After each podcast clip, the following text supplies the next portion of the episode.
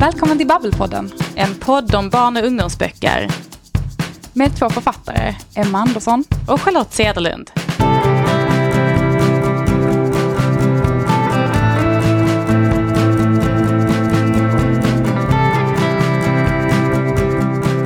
Charlotte, kommer du ihåg eh, i våras när vi gjorde ett specialavsnitt om bokprovningen? Just det, i vår säsong två.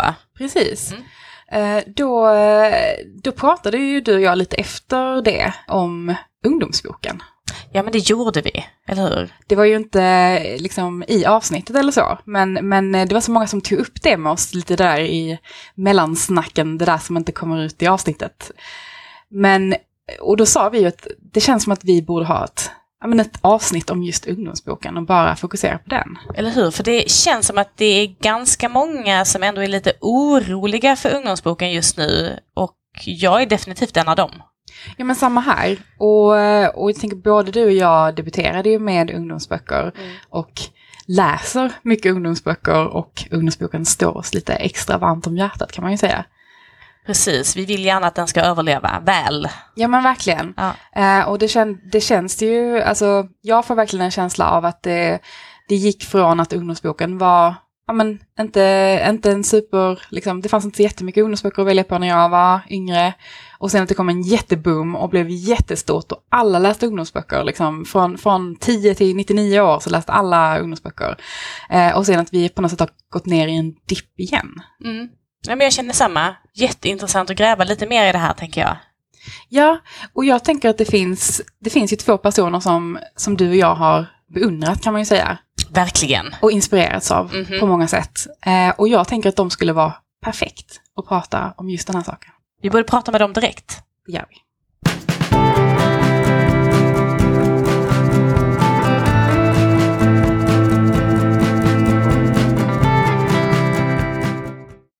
Den ena skriver barnböcker, ungdomsböcker och vegetariska kokböcker och har bland annat tilldelats Nils Holgersson-plaketten och Astrid Lindgren-priset för sina verk. Den andra har gett ut ett drygt dussin ungdomsböcker, är en av grundarna till litteraturbloggen Bokhora och var mellan åren 2013 och 2015 Kulturrådets läsambassadör. Tillsammans har de skrivit fyra böcker, recenserat ännu fler och startat podden Bladen brinner, som är Babbelpoddens starkaste förebild. Varmt välkomna Lisa Bjärbo och Johanna Lindbäck. Tack så mycket. Tack så mycket. Hörni, varmt välkomna till podden. Vi är jätteglada att ha er här idag. Hur, eh, hur mår ni idag? Ja, jag är också jätteglad att få vara med här. Det här ska bli jättekul. Ja, det var så länge sedan det var podd, eh, så det känns efterlängtat. Precis, ni är ju proffsen här så att eh, det är med skräckblandad förtjusning som jag intervjuar er idag. Hörni, vi har ju bjudit in er här idag för att sätta lite fokus på just ungdomsboken. Och det är ju en genre som ligger både mig och Emma väldigt, väldigt varmt om hjärtat för vi både läser och skriver ungdomsböcker. Men jag är jätteintresserad av att veta hur er relation till ungdomsboken är. Om vi börjar med dig Johanna, vad skulle du säga? Den är väldigt förtjust men just nu lite svag. jag antar att vi kommer att utveckla allt det här mer, men eh, man kan säga att den är egentligen väldigt stark och den borde vara stark, men det är svårt att känna så nu för att det kommer inte lika mycket ungdomsböcker. Så att eh, jag skulle vilja vara eh, ännu mer pepp än vad jag är, kan man säga. Mm. Och vad säger du Lisa? Men jag eh, känner nog ungefär samma, att min e-, alldeles egna personliga relation till ungdomsböcker är liksom stark och väldigt kärleksfull. Eh, men jag tycker också att ungdomsboken känns lite som att den är i motvind och att det är eh, Det blir ofta ganska deppigt när man pratar om ungdomsbokens utveckling och ja. Så att det är ja, exakt så som Johanna sa känner jag nog också. Just det. Men hörni, ni skriver ju också ungdomsböcker båda två, har skrivit många ungdomsböcker och till och med en som kom ut jättenyligen, eh, Svaga tjejer, som är den sista delen i trilogin eh, som började med Fula tjejer. Varför skriver ni ungdomsböcker? Åh, oh. ja, alltså, jag vet inte. Det var när jag började skriva, eller nej, när jag började publicera böcker så jobbade jag som gymnasielärare eh, och hade jobbat som det i flera år innan. Och ehm, det var ju väldigt roligt och liksom det var kul. Alltså, de är roliga. Det är kul att prata med dem och de säger massa saker och har massa tankar och sådär. Ehm, så då kändes det så härligt att skriva ungdomsböcker. Och sen var det bara liksom en slump också att den första boken som blev antagen för mig råkar vara en ungdomsbok. Det var inte så här, det hade kunnat vara ett annat, en annan ålder också, men det blev en ungdomsbok. Eh, och sen bara var det så lätt att fortsätta. Lätt och kul att fortsätta. Så det var liksom så det, det började. Ja, jag tänker också att det är ju en väldigt spännande ålder att skriva om. Ehm, det är så mycket som händer för första gången i tonåren. Det är liksom en enorm utveckling att gå från att vara barn till att bli nästan vuxen. Så det är liksom en jättespännande ålder att skildra tycker jag. Eh, men för mig var det också lite samma som Johanna, att jag började med att skriva ungdomsböcker. Eh, och det var för att jag älskade att läsa ungdomsböcker så himla mycket. Och eh, när jag drömde om att ja, men jag vill skriva en bok någon gång själv så var det en ungdomsbok jag drömde om att skriva. Så då blev det debutboken och sen har det också liksom fortsatt där. Just det. Ja, det kan jag väl säga att det var precis samma för mig. Att jag hade en stor konsumtion av ungdomsböcker fast jag absolut inte var någon ungdom Nej. längre. Och det var därför det blev en ungdomsbok som jag debuterade med. Men hörni, ungdomsböcker är viktiga, tycker vi väl? Men varför är de så viktiga? Och det finns så många svar på den frågan, men en, en sak som jag tänker på det är ju att jag tycker att man, eh, eller i alla fall jag, läser mycket för att förstå mig själv och världen. Liksom. Och jag gör ju det som bäst när jag hittar en bok som liksom träffar helt rätt för mig, som handlar om eh, mig eller min värld på något sätt. Och det tänker jag mig gäller för ungdomar också. Så jag tycker liksom att det är viktigt att få läsa böcker som handlar om ens egna värld, ens egna ålder, ens egna liksom vardag och eh, frågeställningar som man brottas med själv. Och då tänker jag mig att det är liksom inte samma sak att vara eh, 14 år och läsa en vuxenbok som handlar om någon som är 47. Eh, det kan ju finnas andra poänger med att läsa den såklart, men jag tycker att det gör någonting med att läsa om någon person som liksom är samma ålder. Så det är ju en, en sak som jag tycker, är så här, skulle ungdomsboken försvinna så skulle också skildringarna av ungdomar försvinna. Och då skulle man tappa den biten i läsningen. Vad säger du Johanna? Ja, men jag tycker verkligen samma. Eh, och att det också, eh, liksom när man läser, det är så härligt när man läser en bra ungdomsbok och, eh, och med bra, eh, att man känner det där, att jag som vuxen läser en bok som verkligen har så här, det är rätt ton, det är rätt värld, referenser. Eh, men verkligen det där att man känner att det här handlar om en, en 16-åring som skulle kunna leva i verkligheten, för så här är 16-åringar. Eh, att det är så värdefullt att man får läsa det, eh, precis som att det är värdefullt nu när man är vuxen och läsa om en vuxen person som eh, det är rätt ton, det är rätt stil, det är rätt tankar. Eh, det uppskattar man ju alla åldrar, men också just det där med att det är skillnad på det. Eh, för om man läser, om man är 15 och får i skolan att läsa någon klassiker om någon som är 35, det är ju inte den världen som 15-åringen är i. Så att eh, jag tycker att det är väldigt värdefullt. Precis, och jag vet inte hur det var för er, men jag kan inte minnas att eh, jag läste ungdomsböcker, alltså varken i skolan eller för mig själv när jag var tonåring. Nu är det ju ganska länge sedan, det är ju drygt 25 år sedan då. Eh, jag gissar att det fanns ungdomsböcker, men missade jag dem eller var det inte en lika uttalad genre då? Vad, vad tänker ni?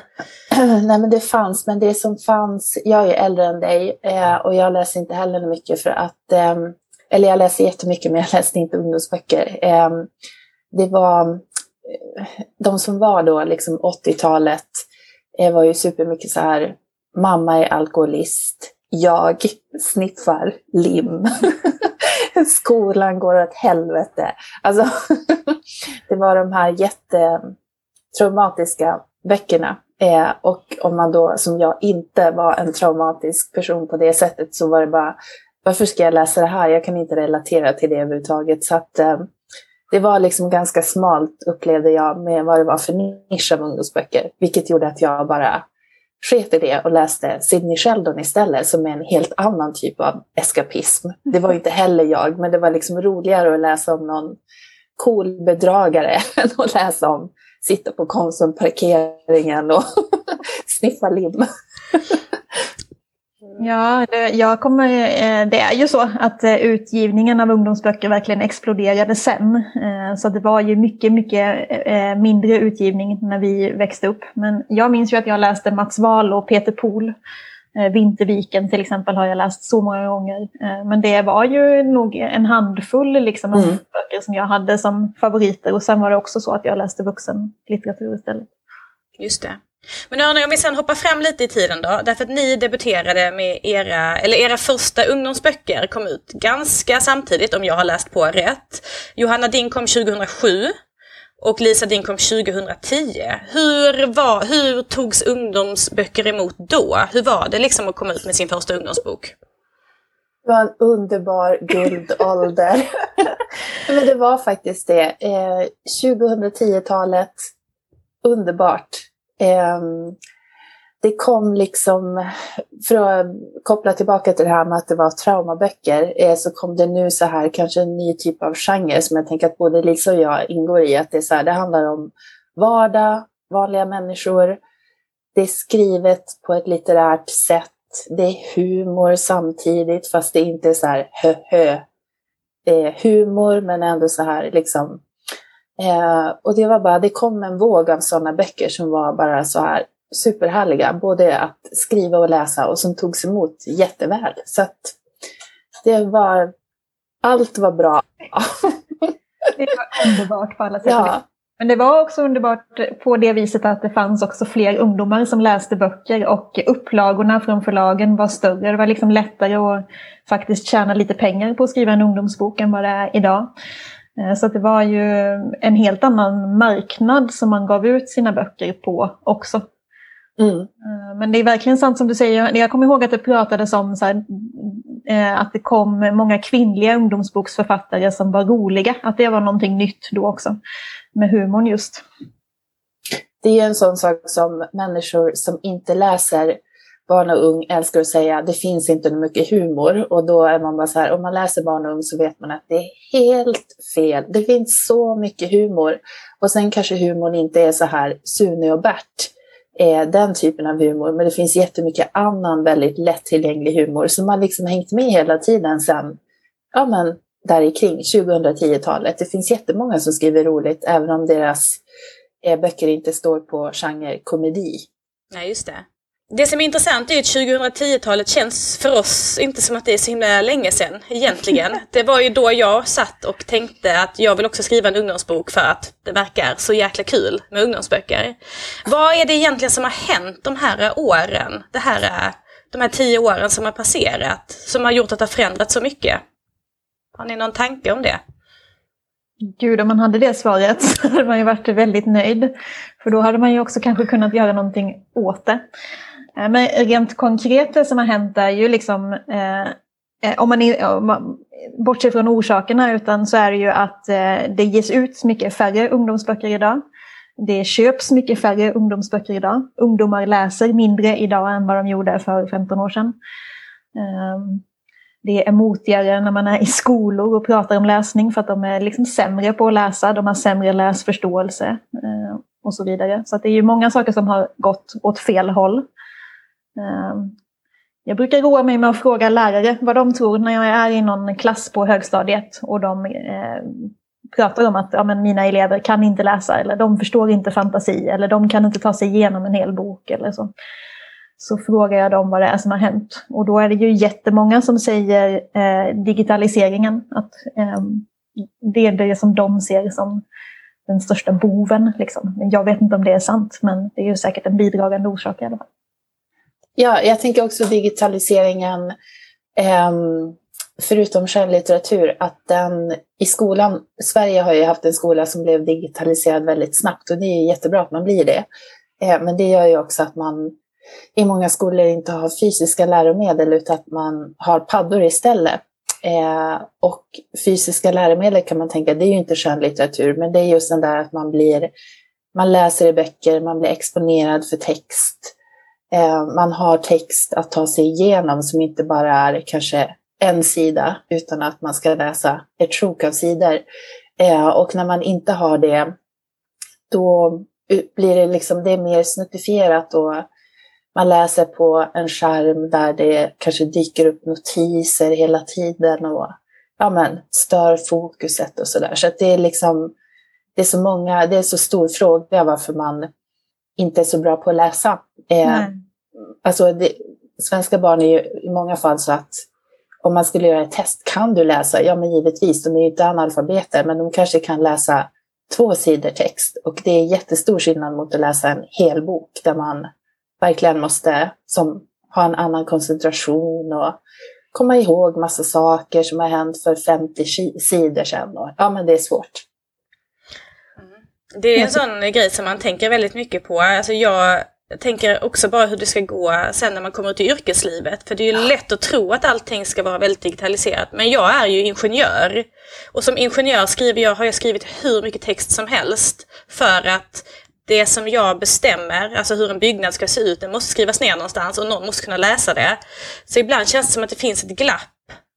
Att man missar lite att det här med läsning och skrivande, det behövs i väldigt många branscher där man inte tror att det behövs. Verkligen. Det behövs ju i hela samhället. Det känns ju, det är ju helt nattsvart att tänka på den. Så här, vad händer om, om eh, vi inte kan läsa snart? Eh, det är ju sorgligt att man missar en massa bra böcker, men det är inte det som är den stora frågan. Liksom. Men jag tycker man ser det på sitt eget läsande också. Om jag jämför med hur jag läste för 10-15 år sedan så var jag också bättre på att eh, liksom avsätta tid för en bok. Eh, ligga med den i soffan i fyra timmar utan att titta på telefonen var femte minut och se om jag har, någonting har hänt på Instagram, Twitter eller Facebook som jag absolut akut måste kolla upp just nu. Och så så det är ju inte bara barn och unga som har blivit eh, sämre på att sitta still och läsa en bok. Det är ju, tror jag, alla. Men jag tänker ni som är mycket ute i skolor, det ingår ju ganska ofta i jobbet när man skriver för barn och unga för att man ska kunna försörja sig. Eh, för att man, och för att man ska kunna vara så himla peppig mot elever, eller hur? eh, tycker ni, är det, så här, är det stor skillnad på hur ni kunde ha, alltså på hur era författarbesök såg ut 2010 jämfört med nu? Alltså behöver ni ha en annan ingång för att fånga eleverna eftersom man kanske generellt läser mindre? Eh, ja och nej. Jag tycker nog att jag kan ha ungefär samma lektioner fortfarande. Eh, för att jag liksom har egentligen hela tiden eh, behövt ha ett lektionsupplägg som liksom ska fånga även de som inte gillar att läsa. För det, så var det ju för tio år sedan också. Det var ju som, inte att man var i en högstadieklass för tio år sedan och alla bara älskade böcker. Eh, så var det ju inte.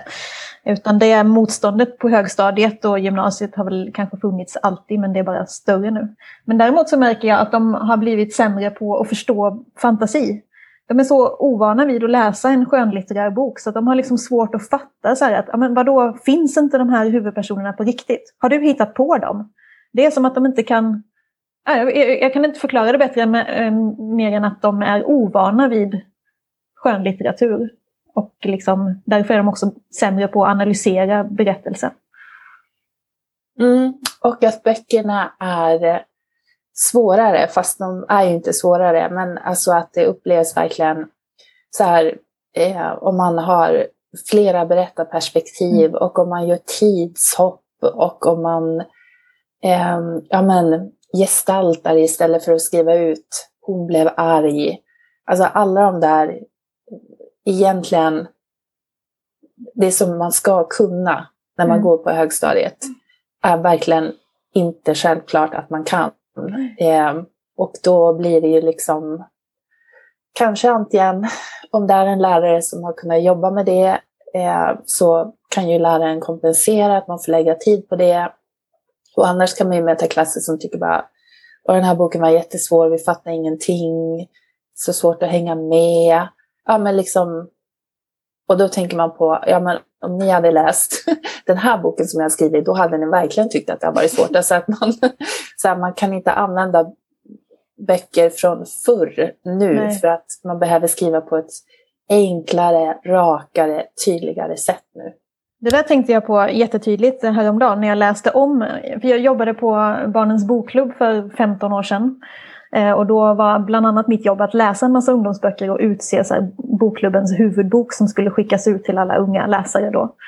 Eh, och då läste jag om en av mina favoriter från den tiden bara häromdagen. Och bara slogs av så här, hur kunde vi skicka ut den här till 4000 ungdomar och de kunde läsa? Den är så svår och så avancerad. Och, eh, men det var liksom helt vanligt då. Att då var det den nivån på läskunnigheten och nu är det något helt annat.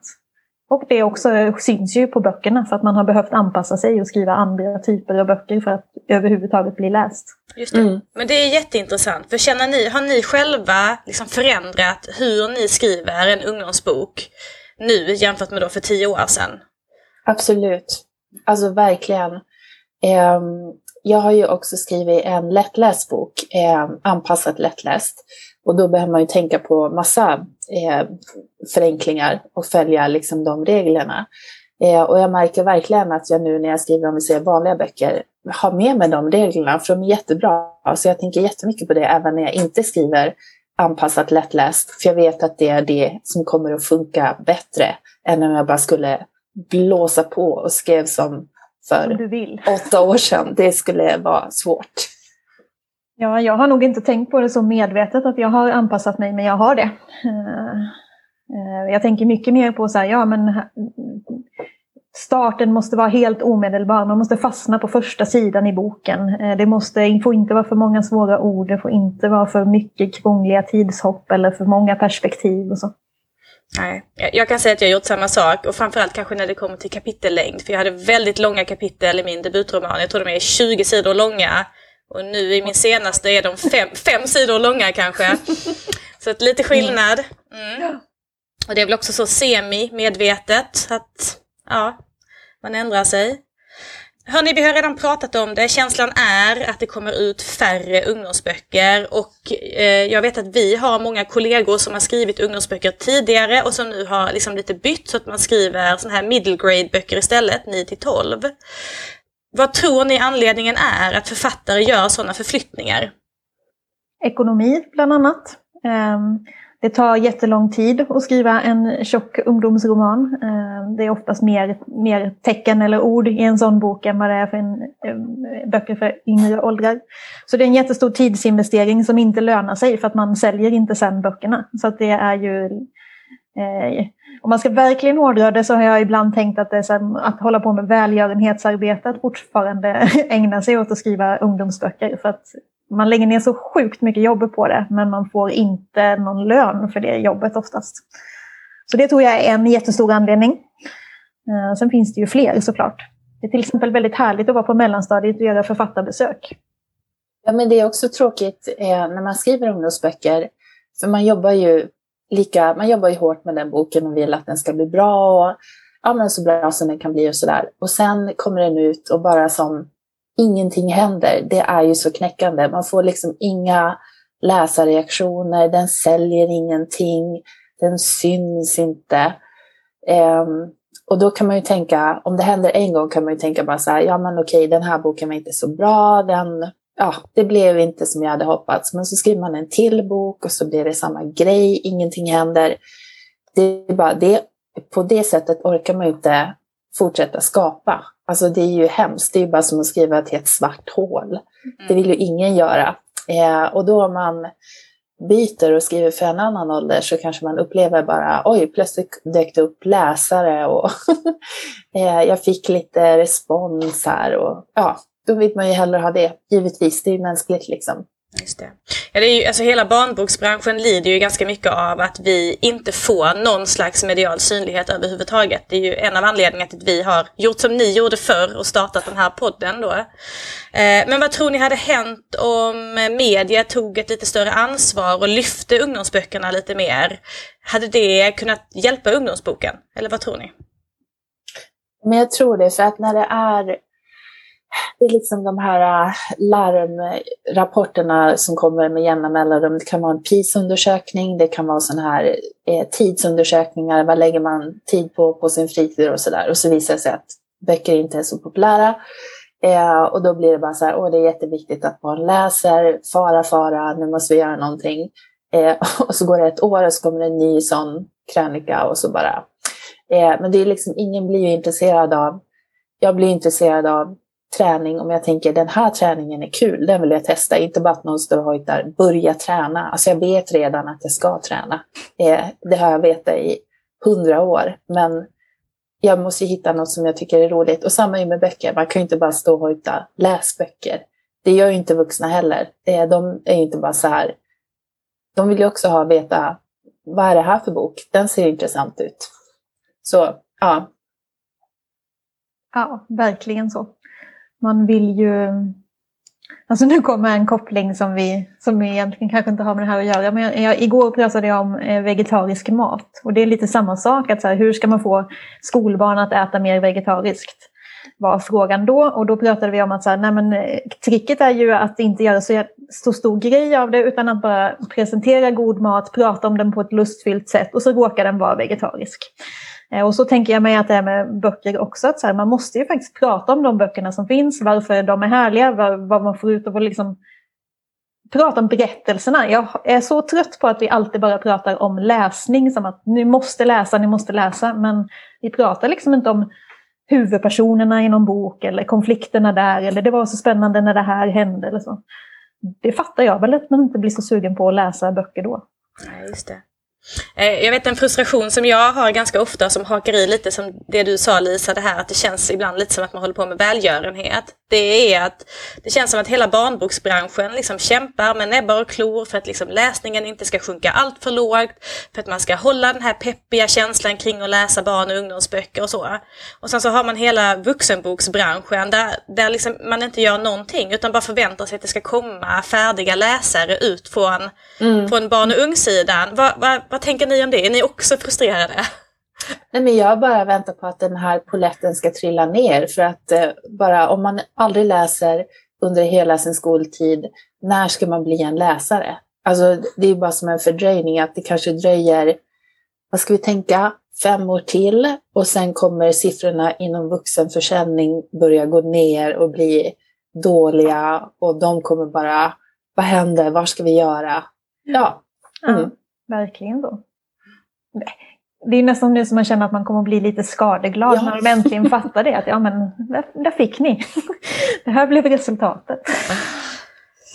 Ja, ja, vi får se vad som händer. Men vad tror ni annars då? Alltså ungdomsbokens framtid? Om vi börjar, så här, vart är vi på väg? Eller vart är ungdomsboken på väg egentligen? Åh oh, gud. Alltså det är ju svårt det här med ekonomi. Det går ju inte att bortse ifrån.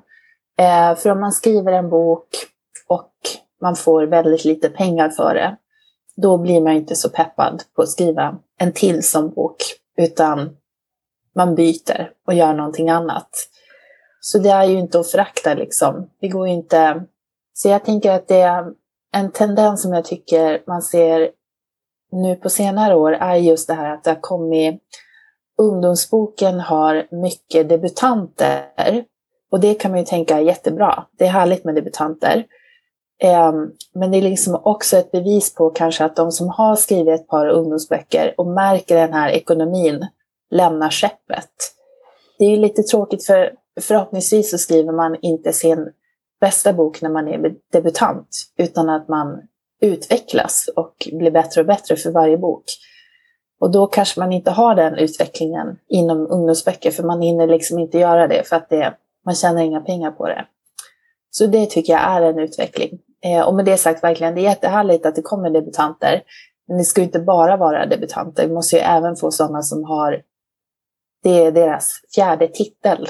Eh, och den är jättebra liksom. Man vill ju läsa den boken. Verkligen. Eh, det är ju det här deppet kommer in. Alltså, vart är ungdomsboken på väg? Jag har jättelätt för att hamna i så här, ja men det, det är kört. Eh, det här kommer vi inte kunna vända. Eller...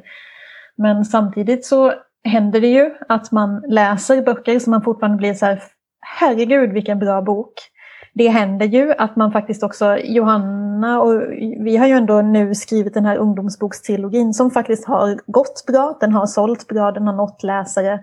Det har varit jättekul att göra skolbesök för att en hel klass har läst en bok och varit engagerad i den och kunnat ta sig igenom den. Så det finns ju liksom också de här, ja, eh, bra exemplen som gör att man tänker så här, men vi har bara inte kommit på hur vi ska göra. Vi har bara inte hittat liksom, nycklarna för hur vi ska göra för att vända det här. Det kanske går. Just det, för det är ju såklart min nästa fråga. Hur räddar vi ungdomsboken? Kan vi komma på det nu eller tror ni? det, vore ju bra om vi kunde det. Ja, men en sak som vi pratat ganska mycket om är ju att läsningen ganska mycket har blivit en skolgrej. Ännu mer än vad den har varit förut. För att eh, barn och unga läser inte alls på fritiden, knappt längre. Det finns ju såklart undantag, men om man ska generalisera så läser de väldigt lite på fritiden. Och då är det liksom läsningen i skolan som är kvar. Eh, och jag vet inte om det ska rädda ungdomsboken på något sätt, men kanske att man behöver vara medveten om det i alla fall. Att eh, tänka att så här, det här är en bok som ska läsas i skolan. Eh, hur, ja, jag vet inte vad jag vill säga med det här. Det är bara som en sån, ett faktum som jag tror att man måste ha med sig i tänket när man tänker på ungdomsböcker. Att de läses i ett klassrum. Oftast. Ja, och då kan man ju... Då blir det lite så här att man vill att lärarna ska hänga med och läsa det som kommer. För att inte ta den här boken jag har läst i tio år och jag har ett jättebra lektionspaket och nu kör jag det bara igen. Um, utan att då blir det ju att de gärna får hänga med och läsa nytt och kanske välja något. Det här kommer att passa den här klassen.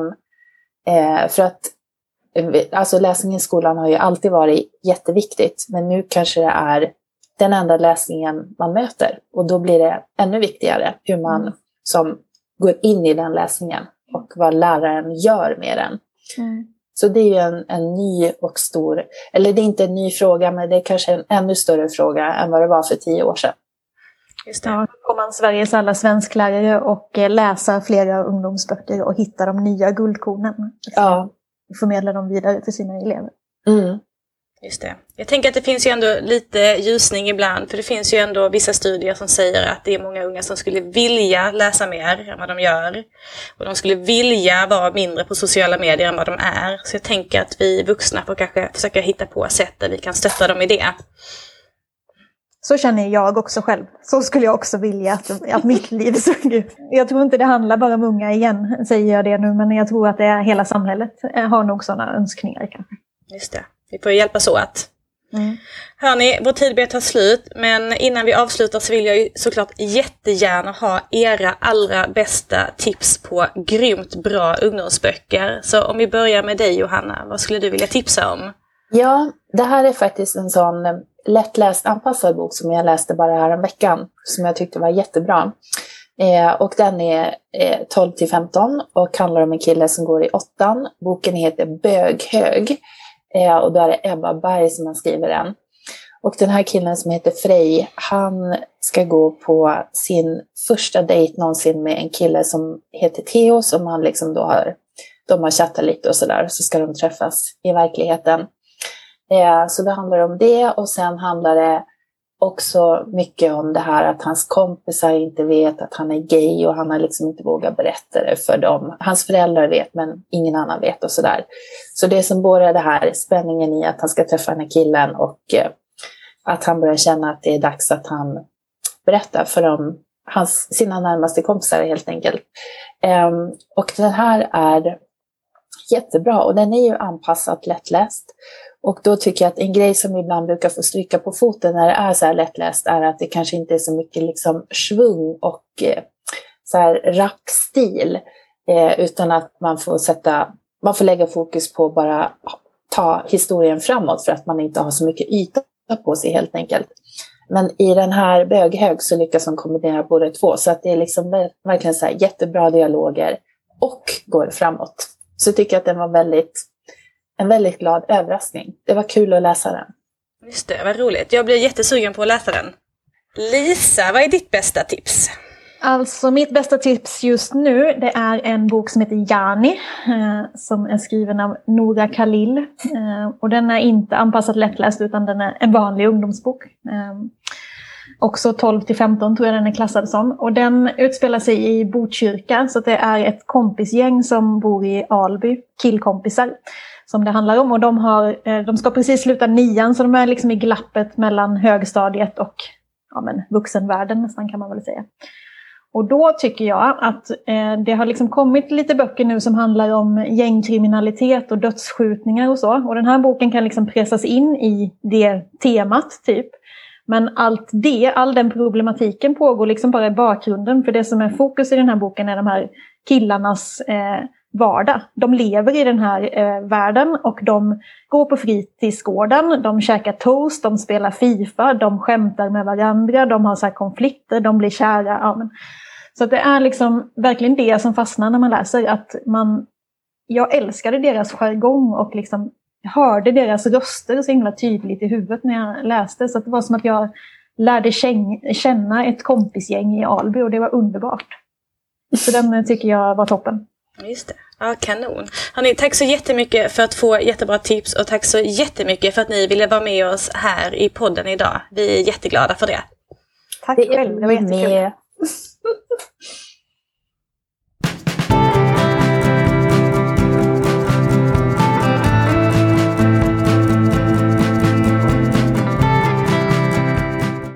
Det här var ett toppensamtal. Visst Charlotte? Ja men det var det. Det var väldigt många intressanta saker som sades tycker jag. Och det var ju lite extra kul att vi fick möjligheten att bjuda in också Lisa och Johanna som är ja, men, stora idoler för oss. Ja men det är de ju verkligen. De är ju, de är ju poddens föregångare får man väl säga också. Och de har ju väldigt bra koll på branschen. Mm. Eh, det var jätteintressant att höra alla deras tankar om eh, ungdomsboken.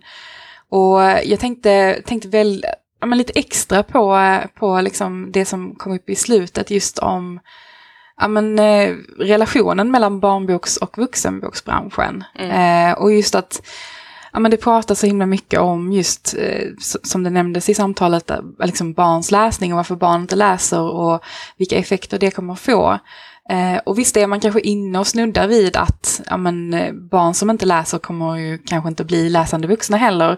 Men det känns som att det pratas mer om ja, men, i så fall kanske problemen då med att liksom, vi har barn som inte kommer kunna till sig tidningsartiklar eller förstå vad de ger sig in på generellt. Men det känns inte som att vuxenboksbranschen är så engagerad i den frågan för att det känns inte som sagt som att de har förstått riktigt att barn som inte läser blir kanske inte vuxna som läser och då säljs det heller inga vuxenböcker. Nej men det, jag har tänkt på det alltså länge faktiskt, att det, att det är så tyst från den sidan. Att där har man sina läsare och eh, man kan ha ganska stora upplagor och nu är det streaming liksom som slår igenom ganska stort. Och, mm. och att man än så länge är ganska nöjd med det. Ja men verkligen och, och jag tyckte också att, att liksom och det känns också som att det värsta är ju, tycker jag, att det kommer kanske ta ett tag för den poletten att trilla ner med tanke på att liksom vuxen, alltså vuxenboksbranschen är ju, det finns ju så många åldrar mm. där, alltså det kommer ju ta några generationer för liksom alla de här då icke-läsande i så fall att ta över. Liksom. Det kanske inte kommer att märkas förrän det är så kallat eh, för sent, liksom, om det inte hjälper till sig såklart. När den sista i så fall läsande generationen är borta så är det ju redan kört. Ja gud, nej men där får vi inte hamna. Nej men verkligen inte. men jag tänkte också på, för det jag tyckte var intressant, det var ju att vi spekulerade ju en hel del kring lite hur utvecklingen hade varit för ungdomsboken de senaste åren. Men det hade ju också varit intressant egentligen att titta på det lite mer i detalj. Alltså hur har siffrorna faktiskt sett ut? Mm. För det är ju väldigt lätt att få en känsla av hur någonting ja. har varit. Men, men eh, om det faktiskt är så när man liksom tittar på det så det vet man ju faktiskt inte. Nej, precis. Men jag tänker att jag nog vet någon som vi skulle kunna prata mer om, om just det där. Då tycker jag vi ringer henne.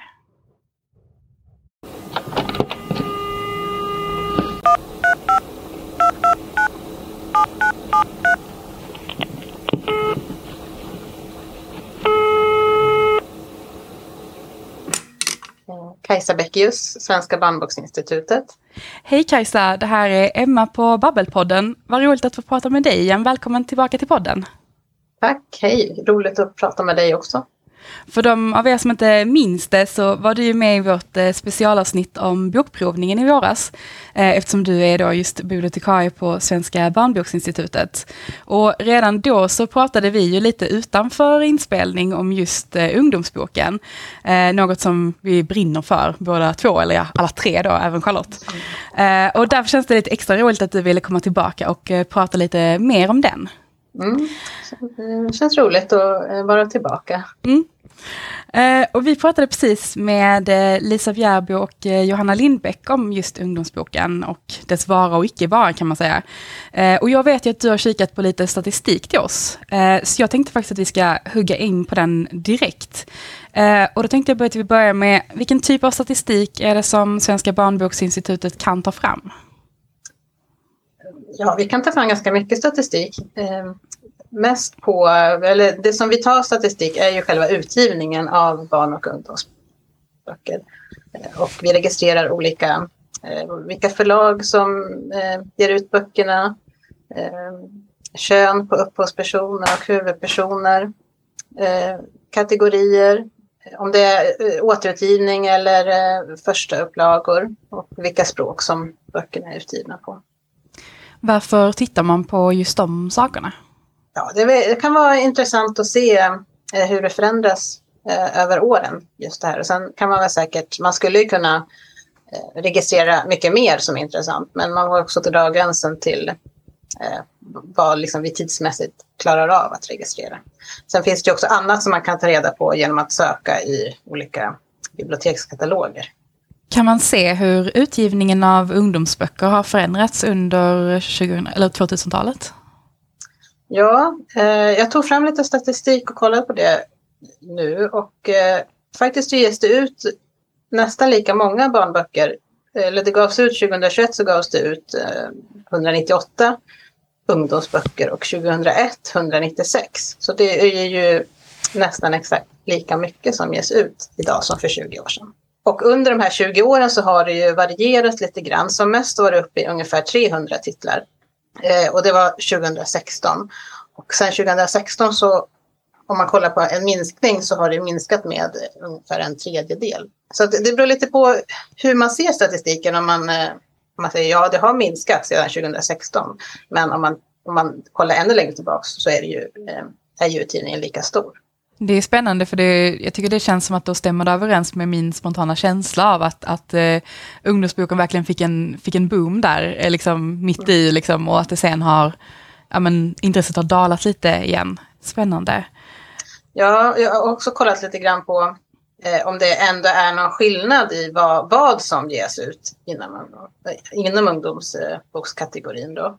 Och det har ju också skett eh, ganska stora skillnader i det här med svenskt och översatt. För 2001 så gavs det ut mer översatt, översatta ungdomsböcker och medan nu så är det det svenska som dominerar. Och det följer ju liksom den här, eh, om man kollar på utgivningen i stort så um, är det ju att det svenska har liksom tagit över från det översatta som var det dominerande tidigare. Men kan man tänka sig att det dels beror på att, att eh ja, men att, att svenska författare har plockat upp, att de också vill skriva ungdomsböcker, men sen kanske också att, att de översatta inte, eller att det inte översätts mer för att, för att ungdomar faktiskt läser direkt på originalspråk. Ja, precis, det har ju vi, eh, man kan ju bara spekulera liksom i var, varför det är så, men, men ungdomar läser väl mer på, på engelska, de vill läsa på originalspråk. Eh, och då kanske man inte prioriterar att översätta lika mycket böcker. Sen är det väl också att eh, när eh, lönsam, lönsamheten eh, minskar på grund av att försäljningen av ungdomsböcker minskar och då kanske det också är dyrare att översätta en bok än att ta in en, en svensk författare. Handlar eh. böckerna om samma saker eller ser man tydliga trender just i, i liksom vad de handlar om? Nej, där ser vi väl att det handlar faktiskt om ungefär samma saker. Det är ju mycket problemorienterat. Eh, det är våld, kriminalitet, psykisk ohälsa. Eh, också kärlek, identitet, sexualitet är också starka eh, ämnen som också är ganska tidlösa. Vi har ju under 2000-talet sett en ganska stor ökning av hbtq-tematik eh, i böckerna också. Och det är ju, knyter ju an till det här med kärlek och identitet. Och sen är fantastik eh, väldigt stor del av eh, ungdomsboksutgivningen. Är den det Där... fortfarande? För jag tänker det känns som att det har liksom krypit ner i åldrar. Jag frågar bara för att jag är väldigt intresserad av fantastik. Ja, eh, jag tror att det har krypit ner i åldern, men det är också en väldigt stor del av ungdomsböcker mm. fortfarande. Så det som är ovanligt, det är lite mer ovanligt är feel good, rena feel good eh, ungdomsböcker. Mm. Ja, det är mycket fokus på dramatiken kanske snarare än det som bara är bra. Ja. Jag förstår. Kan man se hur stor del av ungdomsböckerna som är lättläst skrivna? Har den, har den andelen förändrats under de senaste åren? Ja, den andelen har ökat ganska mycket. Idag så är det ungefär 20 procent av ungdomsböckerna lättlästa mot 10 procent 2021. Och antal eh, lättlästa ungdomsböcker har ju också ökat. Eh, så det är en ganska stor del av eh, de böckerna som ges ut är ju lättlästa. Eh, då får jag bara dubbelkolla med dig, att det har ökat sedan 2001 eller 2021? Eh, nej, 2011. Ja, 2011. Så då tittade jag på en tioårsperiod mm. för att eh, det var lite svårt att jämföra mm. tidigare. Så eh, för tio år sedan så gavs det ut, så var 10 procent av ungdomsboksutgivningen lättläst. Och eh, idag så är det 20 procent. Det har ju gjorts många undersökningar om just ungdomars läsning. Ehm, kan ni se sådana och vad säger de i så fall? Ja, då, alltså de senaste åren har vi ju sett att undersökningen har visat att ungdomar läser mindre. Till exempel så hade vi ju på den senaste ungdomsbarometern så, så visade den att bokläsning är den eh, det intresse, eller fritidssysselsättningen som har gått ner mest.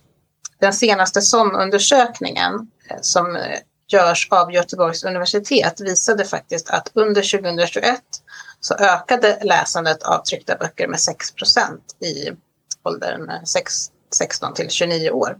Och det tror man att det beror på pandemin och att folk, eh, eller också ungdomar, hade tid att läsa mer. Vad intressant att då hittade man tillbaka till, den, till boken helt enkelt. Ja, precis. Så får vi se om det håller i sig. Men jag har också läst undersökningar som visar att barn och ungdomar själva vill läsa mer. Det, är någonting som som hindrar dem. Mm. Man kan ju tänka sig att det finns väldigt mycket som eh, strider om deras uppmärksamhet. Ja, precis. Det har väl blivit mer, mer lättillgängliga mm. andra medier som man gärna vill. Ja, precis. Eh, ja.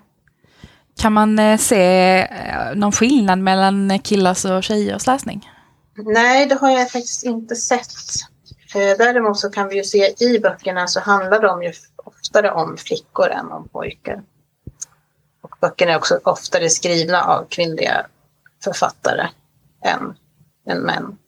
Intressant. Det, ja, men det, det, det är lite samma där, att det känns som att då, det stämmer överens med lite den bilden man har. Att det känns som att det, om inte annat, blir väldigt, lite mer, det går åt ett kvinnodominerat håll, eh, känns det som. Att, eh, att vi, har många, vi har många kvinnliga kollegor omkring oss, känns det som. Men Kajsa, slutligen, vad kan man dra för slutsatser av det här? Tror du att ungdomsboken har en framtid och hur ser den ut i så fall? Ja, jag tänker att eh, utgivningen går ner behöver ju inte heller betyda att det finns liksom mindre ungdomsböcker tillgängliga eftersom eh, man också läser fler böcker eh, på originalspråk. Och att det är lättare också att få tag på böcker som är utgivna i andra länder. Sen ser vi också det här med läsandet, eh, läsarcommunities eh, som är ganska starka i sociala medier till exempel. Det har ju funnits någon slags TikTok-trend eh, inom läsning, BookTok kallas det, som, där ungdomar diskuterar och inspirerar varandra. Så, men sen kan det väl också vara så att ungdomar också läser det som klassas som vuxenböcker som kanske är på någon slags gränsen mellan vuxen och eh, ungdom och att eh, det kanske är mer fördelaktigt att eh, marknadsföra dem som vuxenböcker och så hamnar de på liksom, vuxenavdelningen istället. Mm. Så man, man, behöver ju inte dra liksom, eh, likhetstecken mellan att utgivningen av ungdomsböcker minskar och att ungdomar inte läser, även om det är lätt att göra det.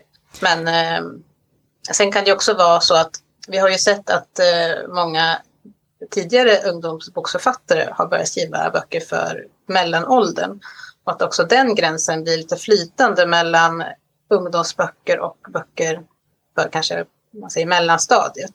Att man kanske hellre sätter en bok som är för 12-13 år på mellanåldersböcker istället för ungdomsböcker för att det också säljer bättre. Men jag hoppas ju att eh, ungdomsboken ändå kommer att eh, leva vidare.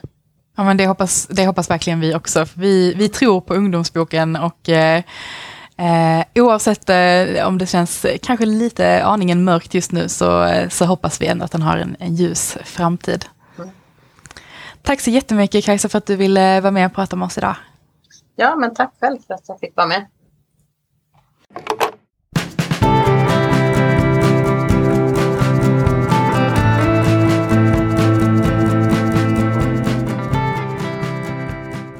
Nu blir det boktips! Emma, har du läst någon bra bok på sistone? Jo, men det har jag. Eh, jag har faktiskt läst en faktabok den här veckan eh, som eh, kom ut i september på Bonnier Carlsen. Och den är för åldern 9-12 år och heter Har jag fel? Och det var en titel som man kan säga att jag fastnade för så fort jag såg den. Och boken är skriven av Jason Diakité som för mig är mer känd som artisten Timbuktu. Och Matilda Westerman. Och sen är den också illustrerad av Andrea Pippins. Och som titeln eh, kanske liksom hintar om så är det här en bok om, som handlar just om att ha fel. Eh, hur det är att själv ha fel, göra fel, känna att något är fel, men också hur man bemöter någon annan som man kanske tycker har fel. Och eh, med en blandning av faktaavsnitt och exempel från deras egna liv och kanske framförallt eh, barndomen. Så eh, berättar Jason och Matilda om ordets makt, hur viktigt det är att välja sina ord och hur illa det faktiskt kan träffa någon om man säger något taskigt. Eh, hur man kan tänka för att försöka sätta sig in i någon annans perspektiv.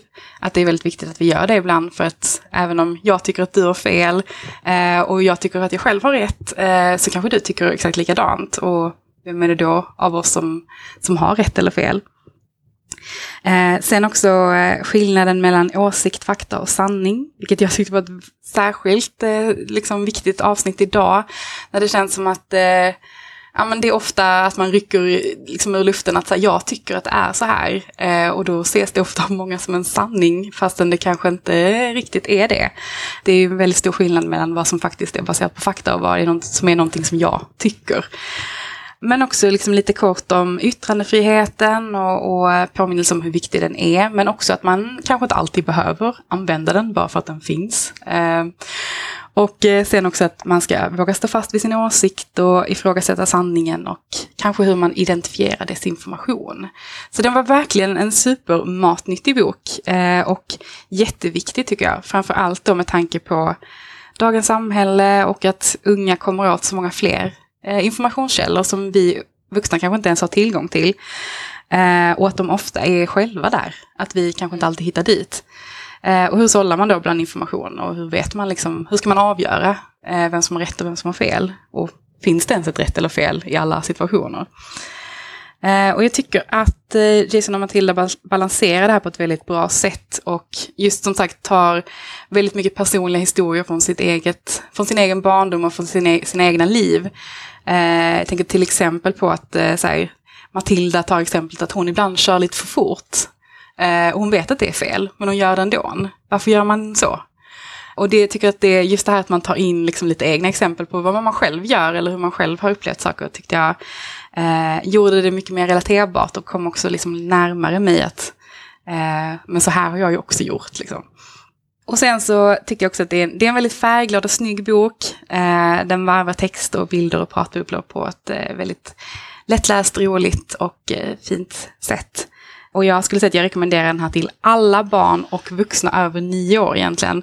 Det är ju 9 till 12 bok och jag tror ändå man behöver, ja man har kommit lite upp i åldern för att förstå alla de här sakerna men Eh, därefter för alla, läs den, läs den tillsammans, diskutera den. För jag tror verkligen att vi vuxna också behöver fundera över de här frågorna eh, och lära oss att förstå eh, och acceptera att vi också kan ha fel och att det kan vara bra att tänka igenom sina åsikter lite då och då. Har du läst något spännande Charlotte? Ja men det har jag. Jag har läst en eh, bilderbok som heter Såret och som är skriven av, och illustrerad av Emma Adbåge och som är för de lite äldre bilderboksbarnen, alltså de som är 3 till 6 år. Eh, och det här är en bok som handlar om att börja på skolan. För det är rast och det leks på hela skol, eh, skolgården. Och pingisbordet är superpoppis, men det går liksom inte att spela pingis för alla pingisracken är trasiga eller så har de försvunnit. Men det går ändå att springa runt bordet. Och det kan man göra snabbt, snabbt, snabbt. Och det är jätteroligt ända tills bokens huvudperson trillar ner från pingisbordet och slår sig på knät så det börjar blöda fruktansvärt mycket. Och sen händer liksom allting lite på samma gång därför att hela skolgården har ju hört det här hända. Så hela skolgården kommer springande och de vill titta och de vill hjälpa och de vill trösta. Och en lärare får ju bära in huvudpersonen in i lärarrummet och ta hand om, plåstra om och det blir ett stort, stort plåster på knät. Och det gör ganska ont. Men sen visar det sig att det här såret, det är ju inte bara dåligt. För med det här såret så kommer det ju en viss uppmärksamhet. Helt plötsligt vill ju alla hjälpa till. Så huvudpersonen blir, kan ju inte gå så bra, så blir buren i en sån här kungastol över hela skolgården och får hjälp med att hämta maten i matsalen och till och med att få pennorna vässade. Så det är liksom ganska härligt. Och sen så kommer den här oron då, vad händer när såret läker? Först trillar plåstret av. Det är ju lite jobbigt för är såret läkt under plåstret? Nej, som tur är så finns där en skorpa. Men vad händer den dagen skorpan trillar av? Eh, och det här är en jättefin bok som är verkligen skriven ur barnets perspektiv och det är det jag, det jag tycker Emma Adbåge är så himla duktig på. Jag läste senast hennes Gropen som är är, är liksom likadan. Det har det här tydliga barnperspektivet och släpper aldrig det perspektivet. Följer det genom hela boken. Och Emma har ju också en fantastisk illustrationsstil som jag tycker, man, man ser den här rörelsen, man ser händelsen. Eh, I boken så blir det så här att klasserna efter den här olyckan då så är det väldigt många som ritar blod och olyckor. De ritar så mycket så den röda färgen tar slut. Och det ser man väl, tittar man på detaljerna i Emmas illustrationer så ser man de här eh, röda blodiga teckningarna, de, de följer till och med med hem till sovrummet. Så det finns mycket att titta på och det, den är rolig för eh, vuxna läsare och den är rolig och lite spännande tror jag för barnet. Så jag rekommenderar verkligen den här. Gud, alltså jag har ju liksom suttit och tittat på det här omslaget eh, hela dagen här när vi haft inspelning. och eh, det, den låter ju lika underbar som eh, jag fick känslan av att den var när jag kollade omslaget. ah, vad härligt. Men det här var allt för idag eh, och eh, vill ni höra av er till oss så vet ni hur man gör vid det här laget. Det är bara att lämna en kommentar eller skicka ett DM eller mejla oss så blir vi jätteglada. Ni får ha det så bra. Hej hej!